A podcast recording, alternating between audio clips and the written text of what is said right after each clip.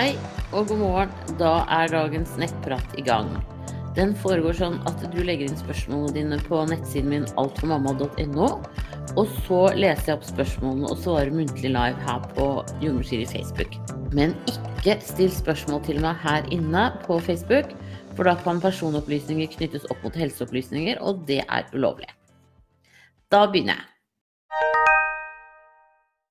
Nysgjerrig lillemor. Hei, vi har forsøkt i ca. 20 måneder på nummer to. Fikk nummer én for ca. tre år siden. Gikk ganske fort. Jeg er under 30 år, har regelmessig mens som kommer ganske nøyaktig fra måned til måned. Men har de siste månedene, kanskje lenger, kjent på vonde stikninger som oftest på høyre side av underlivet ca. en uke før mens. Noen ganger varer det noen dager, men denne gangen var jeg ekstra oppmerksom på ubehaget, og det er mest ubehagelig syv til fem dager før mensen. Men er der fram til mensen. Smertene er som regel ikke konstante, men som murringer eller så stikkende smerte i tak som kommer noen ganger i løpet av dagen. Jeg har ikke mer vonde menstruasjoner nå enn tidligere. Jeg blør ingenting når disse stikningene kommer. Jeg har tenkt at det bare er et forvarsel for mensen, og har derfor ikke ofret så mye av tankearbeid.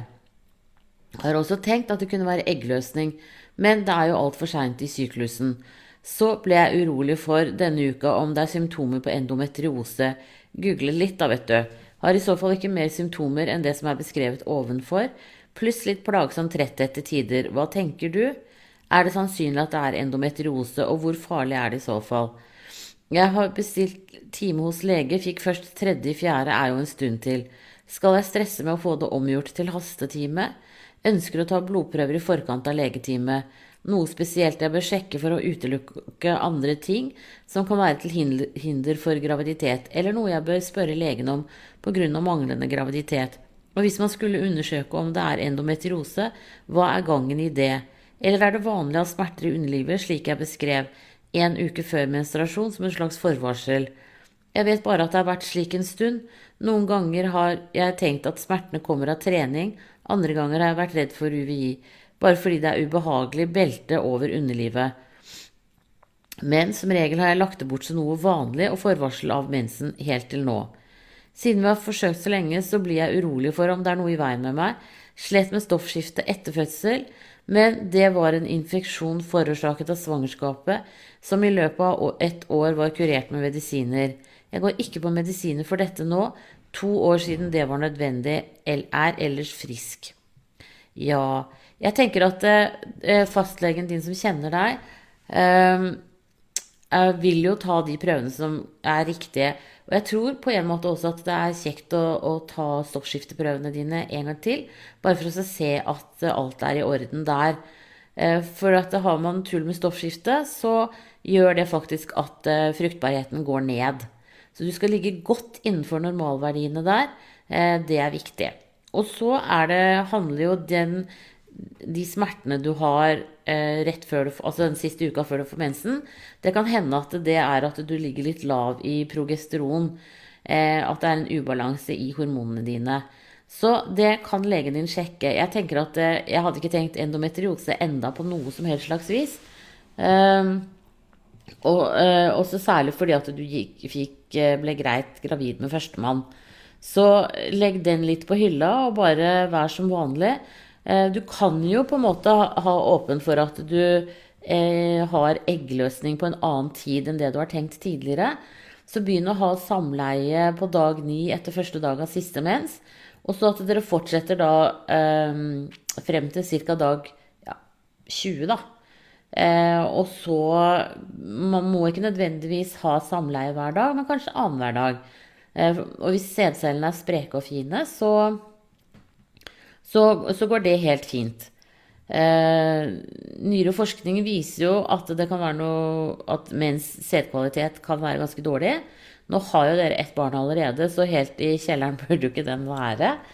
Eh, men det også er en del av en utredning, er at mannen også blir sjekka. Så jeg tenker at eh, lev som vanlig frem til eh, tredje-fjerde. Og Uh, og så får dere svar etter hvert når du får tatt blodprøver hos fastlegen din.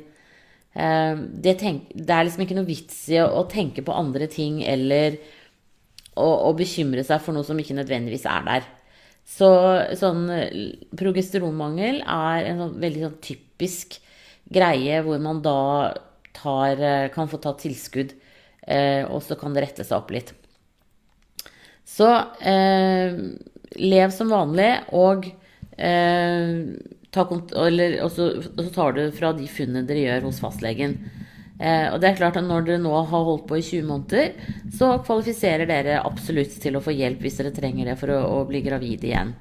Så um, dette vil jeg Skal ikke garantere noe, men antageligvis så vil dette ordne seg helt greit. Da ønsker jeg deg riktig lykke til videre, og tusen takk for at du følger meg her. Ha det bra! Og så er det uke 17 som sier hei, hei. Har et spørsmål. Er 17,5 uker på vei, men ser jeg har gått ned i vekt. Fra ca. uke 14 til uke 17 har jeg gått ned mellom 1 og 1,5 kilo. Er dette farlig, siden jeg er i andre trimester, er 1,73 høy og 66,5 kilo nå. Var vel 68 på det meste på kvelden i uke 16. Men nå er jeg 67,3 på kvelden og er ca. 66,5 på morgenen. Er dette normalt? Gikk ikke ned i første trimester, lå helt stabilt. Redd noe er galt med babyen siden jeg går ned i vekt ute i svangerskapet nå. For skal vel helst legge på meg, ikke motsatt. Ja, det kan du si. Du skal helst legge på deg. Men det er jo mange ting som spiller inn, da. Eh, mange føler seg jo mye piggere i eh, andre trimester og begynner derfor å bevege seg mer. Og da brenner det jo mer kalorier, noe som tilsier at du kan øke eh, kaloriinntaket ditt. Så, så um, Eller altså det at du går ned, tilsier at du kan øke kaloriinntaket ditt. Eh, så jeg ville sett på liksom Har du begynt å spise sunnere enn før? kan kan være andre ting. Så jeg syns du skal få time hos jordmor, og så snakke med jordmor om dette. Og så kan dere sammen liksom tilpasse akkurat eh, deg og hvordan du har det. Og alle kommuner skal ha jordmor til sine gravide, og du skal få time innen en uke etter at du ber om det. Det er retningslinjene. Det er ikke alltid det funker sånn, men da skal, eh, da skal de skrive avvik på det på den helsestasjonen. Eh, for det er en måte å få flere stillinger på. Vi ønsker jo at alle gravide i Norge skal få et godt tilbud. Det er jo superviktig. Eh, for de første 1000 dagene i et barns liv, altså fra unnfangelse til de er rundt to år, er de aller viktigste, mener forskerne nå. Så jeg tenker eh, få time hos jordmor, og så legger dere sammen en plan for deg. Um, og som du sier med den med vekta di, at det er jo vanlig at man veier eh, mer om kvelden og, og, mindre om morgenen. Så det vanlige er jo å veie seg om morgenen. Fordi at maten du spiser i løpet av dagen, hvis den er veldig salt, så, så holder du mer væske i kroppen. Um, det, er mange, det er liksom mange faktorer som spiller inn, men alt på en måte nullstilles litt i løpet av natten. Så mitt råd til deg, eh, spis det du har lyst på, og eh, få time hos jordmor. Da må du ha en strålende dag videre, og tusen takk for at du følger med her. Ha det bra! Og så er det Sofie som sier hei, håper du kan hjelpe. Blir stresset av koronaviruset. Legen min nevnte sist jeg var hos han for en uke siden, at man antar at gravide kan være i risikogruppen også for korona jf. at ordinær influensa kan slå hardere ut for gravide i form av eksempelvis lungebetennelse. Ser det står anbefalt på Helse-Norge med influensavaksine til gravide, denne har jeg ikke tatt. Vil du anbefale å ta den nå? Er det i det hele tatt mulig å ta den nå i mars? Ja, hvis, hvordan går jeg frem? Kan jeg ta den hos jordmor? Jeg ser at barnet også vil være beskyttet første seks måneder, er 27 uker på vei. Takk for svar. Ja, den kunne du ha tatt hos legen din, så jeg skjønner ikke hvorfor ikke legen din mm, gjorde det. Så jeg syns at du skal ringe tilbake til, eh, til, legen og så få satt den vaksinen mot vanlig influensa eh, nå så fort som mulig. Fordi at det, nå er influensaen på sitt høyeste, leste jeg akkurat på Folkehelseinstituttet. Så den er lure å ta. Uansett. Og så er det sånn at uh, i forhold til det Folkehelseinstituttet sier, så er ikke gravide mer utsatte enn andre uh, nå i forhold til koronaviruset. Uh, koronaviruset, koronaviruset kan være, sette seg både i øvre og nedre luftveier. Men det er ingenting som tyder på at den er tøffere for gravide, sånn som vanlig influensavirus er. Så der er faktisk legen din enn så lenge, i forhold til det informasjonen som har gått ut nå, så er, har han feilinformert deg. Um, men det er klart at det, kan endre seg. Men det, så lenge de ikke har gjort det til oss, så tenker jeg da forholder vi oss til det som Folkehelseinstituttet har sagt. De, de sier også at det ser ut som at yngre mennesker ikke, og barn ikke så lett blir angrepet av koronaviruset. Eh, så det også er jo på din side. Eller nå vet jo ikke jeg hvor gammel du er, da. Jeg vet bare at det er 27 uker på vei. Men i hvert fall, jo yngre, jo bedre, jo mindre sjanse for eh, korona. Så jeg syns at du skal ringe til fastlegen og få time til å få satt den vaksinen nå med en gang. Så fort som mulig. Det er, alt, det er en fordel, altså. Um, men da ønsker jeg deg riktig lykke til videre, og tusen takk for å følge med her. Så jeg har også lagt ut en artikkel på Alt for mamma som linker til uh, den siste informasjonen om koronavirus. Og ellers er FHI, altså folkehelseinstituttet.no, det er det stedet der du får den siste, ferskeste informasjonen om koronavirus. Og det vil jeg anbefale alle å følge nå i disse tider. Da må du ha en riktig god dag videre, og så snakkes vi. Ha det bra. Og så er det H som sier god morgen. Spiste et polarbrød som går ut på dato i dag. Syns det smakte litt rart. Er det sjanse for at barn i magen har tatt skade av dette? Nei, det er det helt sikkert ikke. Så det behøver du ikke å stresse med i det hele tatt. Nå blir det jo sånn at eh, når, ting, når du spiser det akkurat rett rundt når det går ut på dato, så er jo ofte smaken på det litt endret. Men det betyr ikke at det er farlig. Eh, det er klart at hvis du ser tydelig mugg og sånn, så skal man jo ikke spise den maten. Men ellers så, så går det helt fint. Da ønsker jeg deg riktig lykke til videre, og tusen takk for at du følger meg her. Ha det bra! Og så er det Hei som sier er det anbefalt for gravide å ta opp pneumokokkvaksine? Tror det er det det heter, den som hjelper lungebetennelse. Nei, foreløpig så er det ikke det. Det som er lurt for gravide nå, det er å ta influensavaksine. Eh, så det er liksom det lureste. Influensaen er ifølge Folkehelseinstituttet på sitt høyeste akkurat nå. Og, derfor, og den er liksom litt tøffere for gravide å få.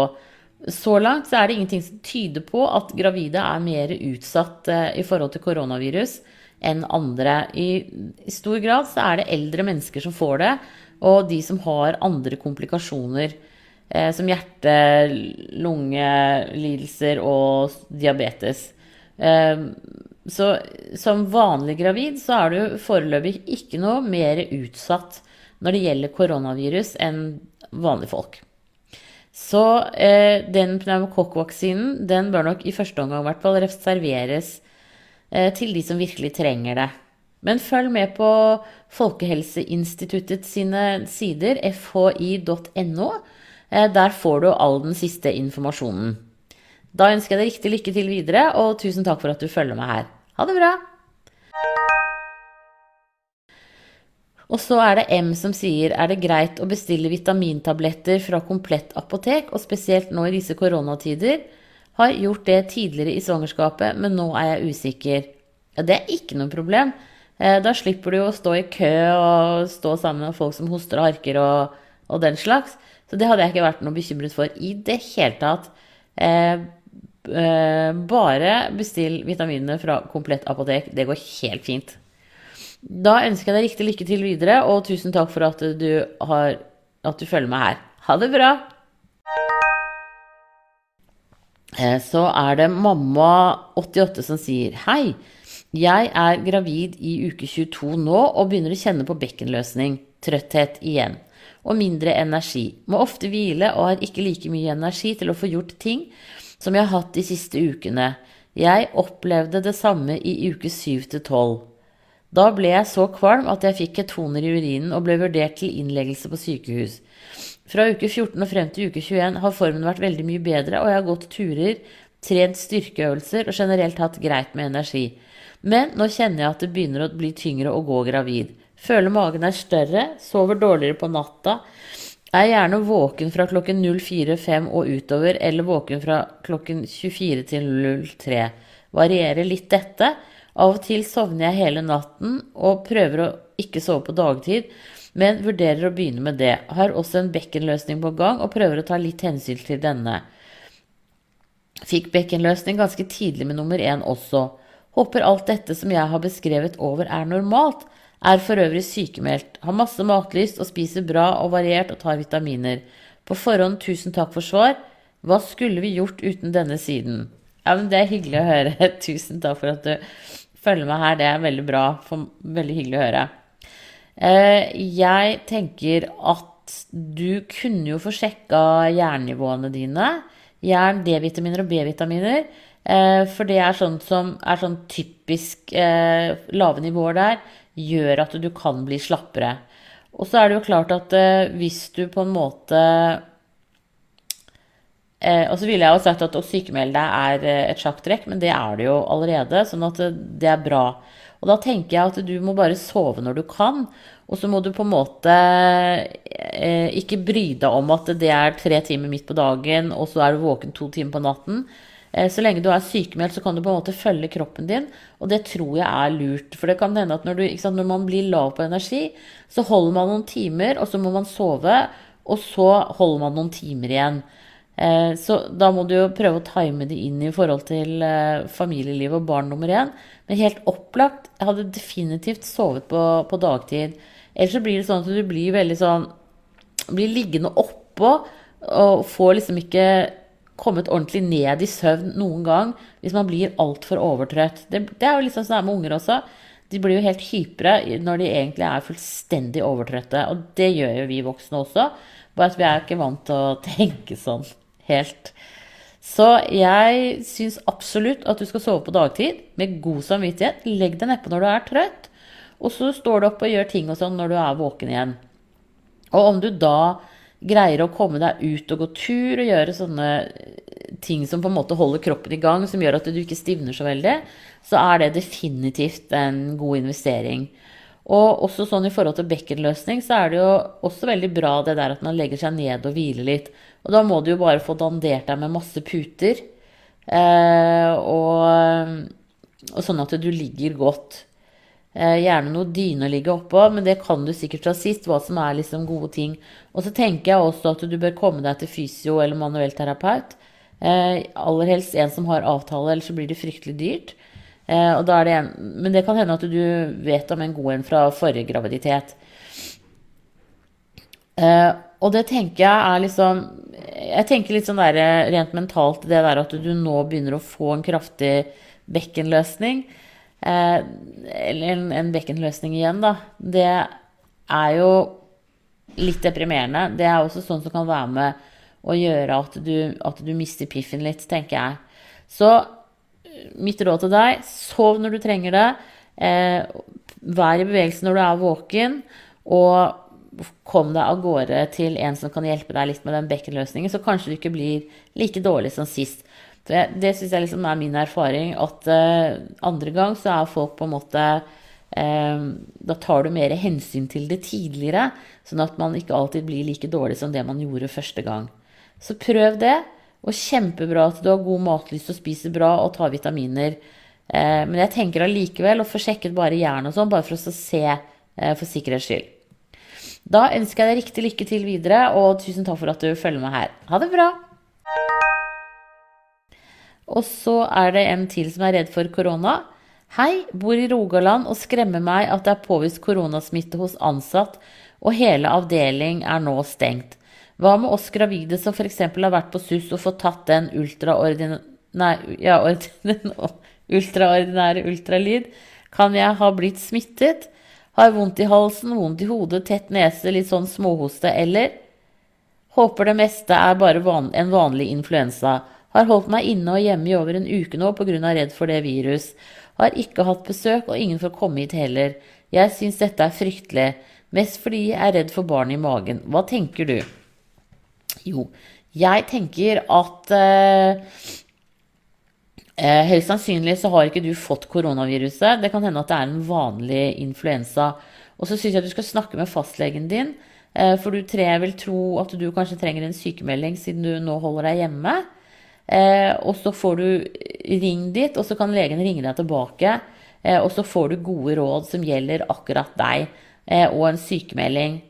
Eh, det at du har vondt i hodet og altså sånn, Det kan liksom være en vanlig forkjølelse, eller det kan være eh, en influensa.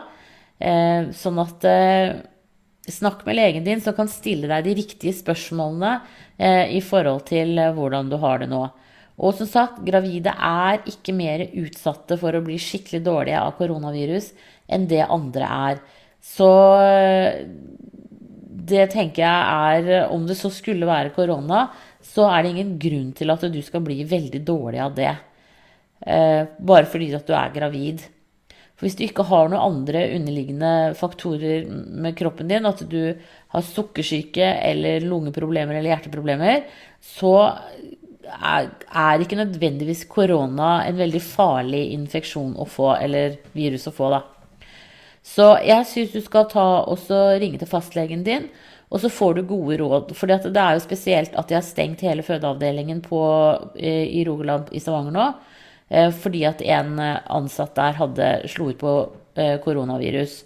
Det som kommer til å skje der, det er at de smittevasker hele avdelingen. Eh, og så blir det full drift igjen om ikke så fryktelig lenge, tenker jeg, i løpet av et døgn eller to. Alt ettersom hvor lang tid det tar å smittevaske. Eh, og så vil de jo selvfølgelig sjekke eh, alle de som jobber der for koronavirus, før de blir sluppet inn igjen på avdelingen. Så jeg tenker at du trenger ikke å bekymre deg. Dette, dette går helt sikkert ganske så bra. Da ønsker jeg deg riktig lykke til videre, og tusen takk for at du følger med her. Ha det bra! Og så er det amming. Lurer veldig på om jeg skal slutte å amme. Jenta mi er fem måneder. Bakgrunnsinfo. Ammet henne fra start, men det var som oftest gråt ved hver amming. Ca. tre måneder hadde hun lagt for lite på seg, og vi begynte å gi morsmelkserstatning i tillegg.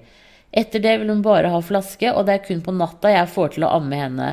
Da går det uten problemer. Jeg prøver å pumpe meg så ofte jeg kan, slik at hun får mest mulig morsmelk, selv om det blir gitt i flaske. Jeg hadde som mål håp å kunne fullamme igjen, men nå er jeg på vei til å gi opp. Tida det går til pumping blir for krevende for hele familien, da vi har en liten til. Det blir dårlig stemning. Jeg klarer heller aldri å få opp produksjonen pga. at tiden ikke strekker til. Har virkelig prøvd. Men samvittigheten spør om jeg har prøvd godt nok. Ønsker jo at hun skal få morsmelk hvis det er det beste for henne. Har hørt at om så bare litt morsmelk er godt nok, så nå tenker jeg å pumpe Fryse melk i isbitposer og gi henne en isbit per dag. Hva tror du om det? Og hvor lenge bør hun helst få det? Til hun er ett år? Lurer også på hvor lenge hun da kan få morsmelkserstatning. Tusen takk for din hjelp. Hilsen ammesorg på forskudd. Ja, vet du hva? Her har eh, Jeg tenker at eh, eh, At du behøver ikke å slutte å amme. Men am når hun vil ha, altså sånn som det på natta og sånne ting. Så lenge du kan orke det, så er det helt prima. Og det er som du sier, litt er veldig mye bedre enn ingenting. Eh, men nå er hun så gammel at hun kan faktisk begynne å få vanlig mat. Så prøv deg Jeg har akkurat gjort et, eh, en pod med Vibeke Landås som jeg skal få redigert og lagt ut. Hvor vi snakker om dette her. Og det, hun, hun er eh, klinisk ernæringsfysiolog og jobber på Rikshospitalet og Ullevål. Og det hun sier, det er at når de liksom på en måte er sånn rundt fem måneders alder, fem-seks, fire-fem-seks, så istedenfor å, å eh, slite seg helt ut med ammingen når, de da, eh, ikke, når det ikke er nok med ammingen, så kan man begynne å gi vanlig mat. Så når dere sitter sammen og spiser, så kan hun også få smake på det dere spiser. Så prøv det, og så se på en måte hva hun gjør. Og så tenker jeg at hvis hun er veldig tørst, så selvfølgelig gi henne tillegg. Men, men du kan egentlig gi henne så godt som all mulig mat, altså en alderstilpasset, eh, i forhold til eh, eh, Altså, nei, feil. Du kan gi henne all mulig mat, alt unntatt honning. Eh, og så må du på en måte nå i begynnelsen gjøre den veldig sånn myk. Da kan du bruke litt melk, pumpe ut litt melk, og så Eh, F.eks. bløte opp med en kokt gulrot eller potet, eller eh, en, gi, kjøpe sånn derre grøt eh, som du får på, i, på vanlig butikk. Eh, eventuelt bruke morsmelk i den, eller bare bruke de tilsetnings... Eh, den som står der, da tror jeg det er vann, kanskje. Men bare følg den oppskriften. For grøt er liksom det enkleste å begynne med, frem til de får trent tungen og, og, og sånn. Eh, så det hun også sier, er at da er du helt sikra at de får i seg det de trenger av næringsstoffer. Så heller da grøt enn morsmelkerstatning, og så henne, eh, så ammer du henne når hun har lyst. Og da er det jo ofte det som en sånn kveldspupp, og så litt om natta eventuelt. Og så tenker jeg at eh, det å så eh, eventuelt fryse ned og gi henne en isbit per dag, er jo, er jo, en veldig fornuftig ting å gjøre. Da, da holder det jo lengre. Men, men jeg, tenker, jeg, tenker liksom at for deg nå så handler det jo også om å få ned stresset. da. Og sånn som du sier at det går utover familieliv og sånn, da tar det overhånd. Det tenker jeg, sånn skal det ikke være. Eh, men hvis du, på dager hvor du har, liksom, kjenner at du har mye melk og, og, kan pumpe litt ekstra, så gjør nå endelig det å fryse ned. Det er jo helt prima. Det blir jo sånn sånne der, eh, vitaminbombekarameller som, som datteren din da kan få eh, osv. når du er helt ferdig med å amme. Det holder eh, i tre måneder i fryseren. Så, men, men, nå i første omgang, eh, ikke stress noe mye med det. Begynn å gi henne grøt. Og så ammer du når hun har lyst. Eh, og det er klart at når det blir litt mindre stress rundt det, så, så blir det kanskje også en roligere situasjon for dere alle sammen, tenker jeg. Og da slipper du melka lettere, og alt, alt blir bedre. Så ikke føl deg som en dårlig mamma eller noen ting sånn, for det er du ikke. Eh, du har virkelig jobba hardt på. Eh, og det skal ikke være sånn at eh, amming og det går utover resten av familien. Syns jeg, da. Da koster det for mye. Pump deg når du har overskudd, og ellers grøt også amme når hun vil. Og det er som du sier, hun har selvfølgelig veldig godt av, selv om det bare er liksom ett måltid hun får, eller noen slurker. Morsmelk er alltid veldig bra i forhold til antistoffer og sånn. Så, så, det tenker jeg er en veldig god investering. Så prøv å se at du om ikke det Så lenge du orker å amme litt på natta og sånn, så er det en helt fantastisk investering i henne. Da ønsker jeg deg riktig lykke til videre, og tusen takk for at du følger med her. Ha det bra! Og så er det Ingrid som sier Hei, jeg har akkurat født en sønn som det viste seg hadde altfor lavt blodsukker. Han ligger nå på nyfødt intensiv, og de har problemer med å få stabilisere blodsukkeret hans. Vi får veldig lite informasjon om hvor lang tid dette kan ta, sier det varierer. Nå er han fem dager gammel. Lurer bare på om du har noen erfaring med nyfødte med lavt blodsukker. Er det vanlig at det plutselig kan snu seg selv om det har vært, vært så ustabilt i fem dager? Hilsen veldig nervøs og bekymret mamma. Akkurat dette kan jeg dessverre ikke noe særlig om i det hele tatt.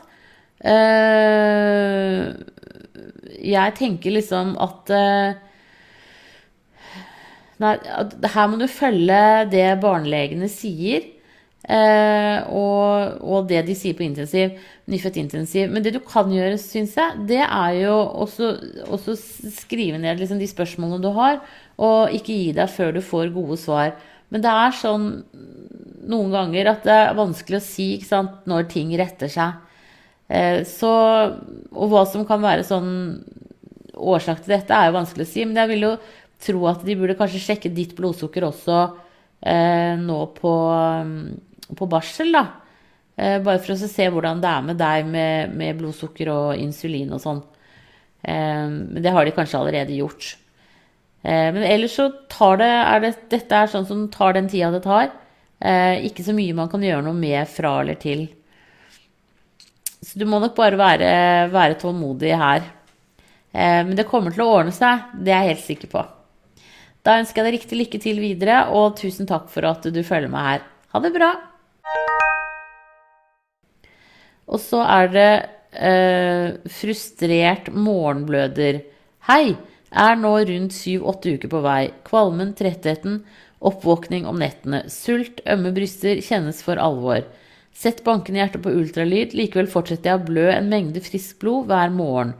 Noen ganger med klumper, andre ganger ikke. Hver dag går jeg i frykt for å miste.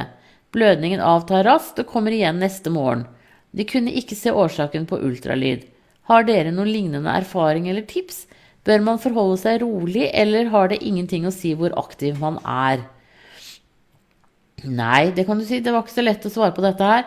Det, det, altså det som jeg tenker om det, er at det, det høres ut som du, du, småblør litt, men at det da samler seg i skjeden i løpet av natten. Så når du da står opp, så kommer det mer. Eh, sånn at eh, jeg tenker at det er grunnen til at du blør mer om morgenen, da. Eh, og så er det sånn at når man er gravid, så er slimhinnene skjørere. Eh, og det gjør at man blør lettere. Eh, og det kan på en måte være det, men det kan også være Noen ganger så har man vært gravid med flere egg, og så blir det ene Så beholder kroppen det som er best, og så blir de andre støtt ut. Eh, og noen ganger så absorberes de av kroppen selv, eller andre ganger så renner det sånn som blod ut, sånn som du har nå. Så, men det er vanskelig å si eh, hvis man ikke på en måte har gjort ultralyd deg, på deg fra før du begynte å blø. da. Eh, så det er vanskelig å si hva årsaken er. Og noen ganger så er det også noen polypper som blør. Eh, så, så, lenge de ikke har sett noe, så tenker jeg liksom på en måte at eh, det er ikke sikkert du behøver å være noe stressa da. Eh, det er en del som blør akkurat sånn som du gjør nå, og det går helt bra likevel. Så det du kan få sjekket etter hvert, er jo eh, Eller få sjekket nå, da. Det er jo eh, jernstatusen din. Jern og magnesium og D-vit... Nei, si, jern, D og B12, tror jeg, er det viktigste her i forhold til en blødning. For er du veldig lav på jern, så koagulerer heller ikke blodet ditt like fort. Og da får du sånn type sånn sivblødninger, sånn som du snakker om her. Så få sjekka det hos fastlege eller jordmor nå i løpet av denne uka her. Og da får du svar i løpet av en tre-fire dager på det. Alternativt så kan du også begynne å ta jerntilskudd nå, sånn rent forebyggende. Ehm, så prøv det, eh, og så se om ikke det kan hjelpe. For det, det tenker jeg kan være ålreit. Uh, men det er greit å vite hva jernreservene er uansett. Så vi krysser fingrene, satser på at dette her går bra, og at det ligger innafor normalen. Det er mange som blør sånn som du gjør, altså. Da må du ha en riktig god dag videre, og tusen takk for at du følger meg her. Ha det bra! Og så er det Hanna som sier hei. Jeg er seks uker på vei, opplever at kvalmen kommer mer og mer. Har ikke kastet opp, men brekker meg av ulike lukter og raper veldig mye. Syns det er vanskelig å skjule det på jobb. Ja. Det er dessverre sånn at, eh, at eh, kvalmen eh, kan komme sterkere nå fremover. Og hvis du blir veldig plaget av det, så kan det hende at en delvis sykemelding kanskje kan være noe for deg. Og det er klart at det, hvis du går og småbrekker deg litt sånn, så er det vanskelig å skjule det på jobben. Eh, og da tenker jeg liksom at eh, du kan jo like godt fortelle det nå. Selv om det blir en lang graviditet, så, så skjønner jo folk rundt deg. Og kanskje de også tar litt sånn hensyn til deg i forhold til å ikke bruke så mye parfyme. Eh, hva de eventuelt har på matpakka og, og, sånne ting som det. Så det er nok eh, det, det er ikke så enkelt, det der. Eh, det som kan være noe av det som faktisk hjelper mot kvalme, det er akupunktur. Så det vil jeg anbefale deg å prøve. Gå til en god akupunktør, eh, gjerne en som jobber med gravide, og så se om ikke det kan være litt hjelp å få der.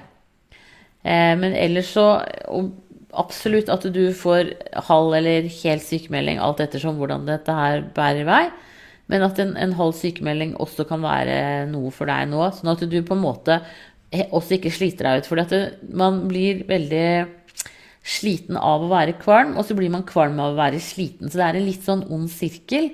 Eh, så jeg tenker at det kan på en måte være greit å prøve å forebygge allerede nå. Så da ønsker jeg deg riktig lykke til videre, og tusen takk for at du følger meg her. Og så må du eh, får håpe at den kvalmen gir seg om ikke så altfor lenge. Det vil si, det vanlige er at den gir seg rundt 10-12 uker, da. Så vi, vi, men ta liksom hensyn til det. Det tror jeg er viktig. Da må du ha en riktig god dag videre. Ha det bra. Og så er det korona. Er koronaviruset farlig for gravide?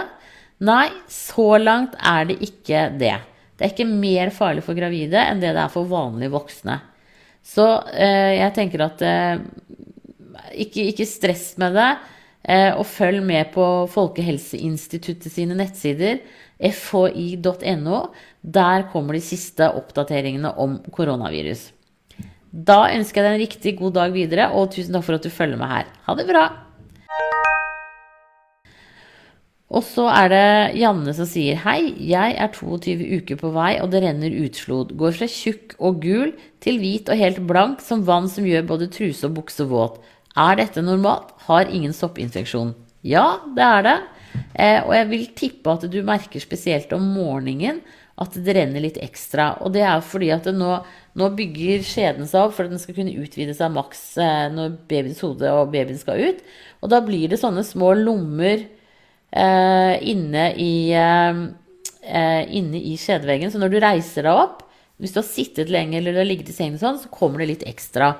Eh, når du har mye utflod, så kan det være greit, selv om det høres helt eh, nøttete ut, men prøv å ikke bruke bind, for det gjør at du på en måte holder på fuktigheten i større grad.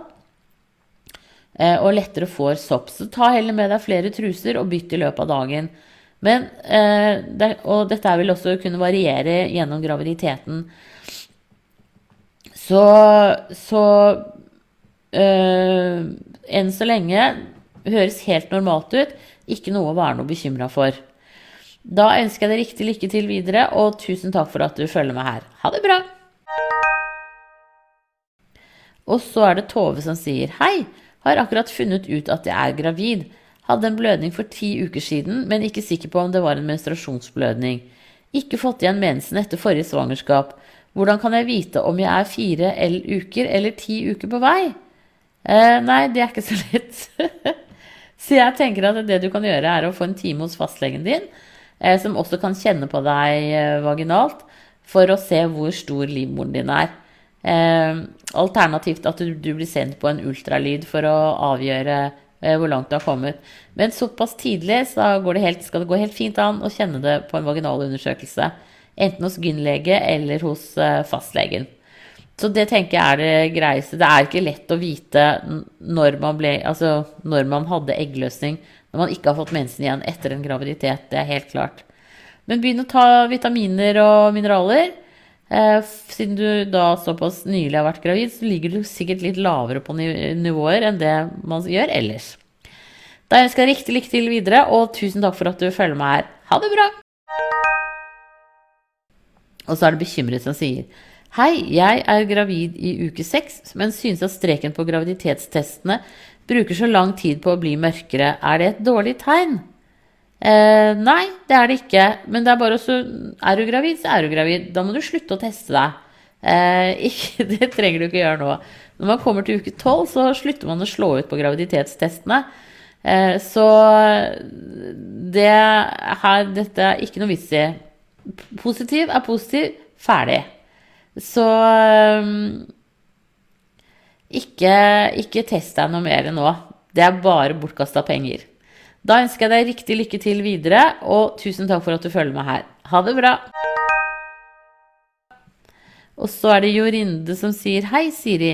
Jeg er nå åtte uker gravid, og jeg har en, i en lang periode tatt multivitaminer i tillegg til forlat. Ble bekymret for at jeg har tatt for mye. Jeg spiser også ganske sunt, så får i meg nok bra med vitaminer gjennom kost òg. På vitaminboksen står det vitamin A 250 mikrogram, Re 31 av daglig inntak. Eh, vitamin D 10 mikrogram, 200% av daglig inntak. Vitamin C 113% av daglig inntak. Vitamin E 30 mg, 250 av daglig inntak. Av vitaminene er det vel A, E og D det kan bli for mye av. Tror du dette noe, utgjør noen fare for fosteret? Eh, jeg tenker at det er jo greit å holde seg innafor, da. Eh, for da tyder det jo på at du kanskje ikke tar gravide vitaminer. Men når det gjelder vitamin A, så tar du jo bare 31% av daglig inntak, så det er jo innafor. Men vitamin D derimot, der ligger du litt over. Det er jo ikke så farlig nå når det har vært vinter, for da trenger man jo ekstra. Eh, men, og vitamin E kan jeg faktisk ikke så mye om. Men jeg tenker at det lure er kanskje å bytte om til, vitaminer som er tilpasset gravides behov. Også særlig fordi at du har et eh, rikt og variert kosthold. Eh, så tenker jeg at eh, da er det jo Da trenger du i hvert fall ikke å ta for mye av de forskjellige tingene. Eh, superbra at du spiser eh, variert. Eh, for da får, du, da får du jo på en måte i deg naturlige vitaminer, og de er bedre enn de syntetiske, mener man da. Men vitaminer er vitaminer. Så jeg kan dessverre ikke nok om E-vitaminer. Eh, men nå går vi mot lysere tider, og da kommer du også til å få i deg nok D-vitaminer etter hvert. Så gå over på vanlige vitaminer for gravide, og da får du riktig dose. Da ønsker jeg deg riktig lykke til videre, og tusen takk for at du følger meg her. Ha det bra! Og så er det uh, Skal vi se Jo, frustrert bløder som spør igjen. Uh, ja, jeg ser at jeg glemte å svare på om du trenger å være i aktivitet. Nei, hvordan det er med å være i aktivitet. Og det tror jeg på en måte uh, Det Åsle-Marit Ullern sier, hun som er uh, gynlegen som er med meg her, det er at enten så sitter fosteret, eller så gjør det det ikke. Så du, kan, du trenger jo ikke å trene superhardt og sånn, men vanlig trening, vanlig aktivitet, er ikke noe farlig nå for deg selv om du blør. Den blødningen handler om helt andre ting, antakeligvis, uh, uten at man nødvendigvis helt kan vite hva det er. Men å være litt i aktivitet og sånn, ikke noe skadelig i det hele tatt. Så fortsett med det. Men som jeg sa også tidligere, få sjekket uh, jern, D og B12-nivåene dine. Det er viktig. Da ønsker jeg deg riktig lykke til videre, og tusen takk for at du følger med her. Og da var det dagens siste spørsmål. Sånn at eh, nå tar jeg og legger ut linken på alle spørsmålene fra Facebook-chatten. Og så, eh, så snakkes vi neste uke igjen. Da må dere ha en strålende dag. Ha det bra.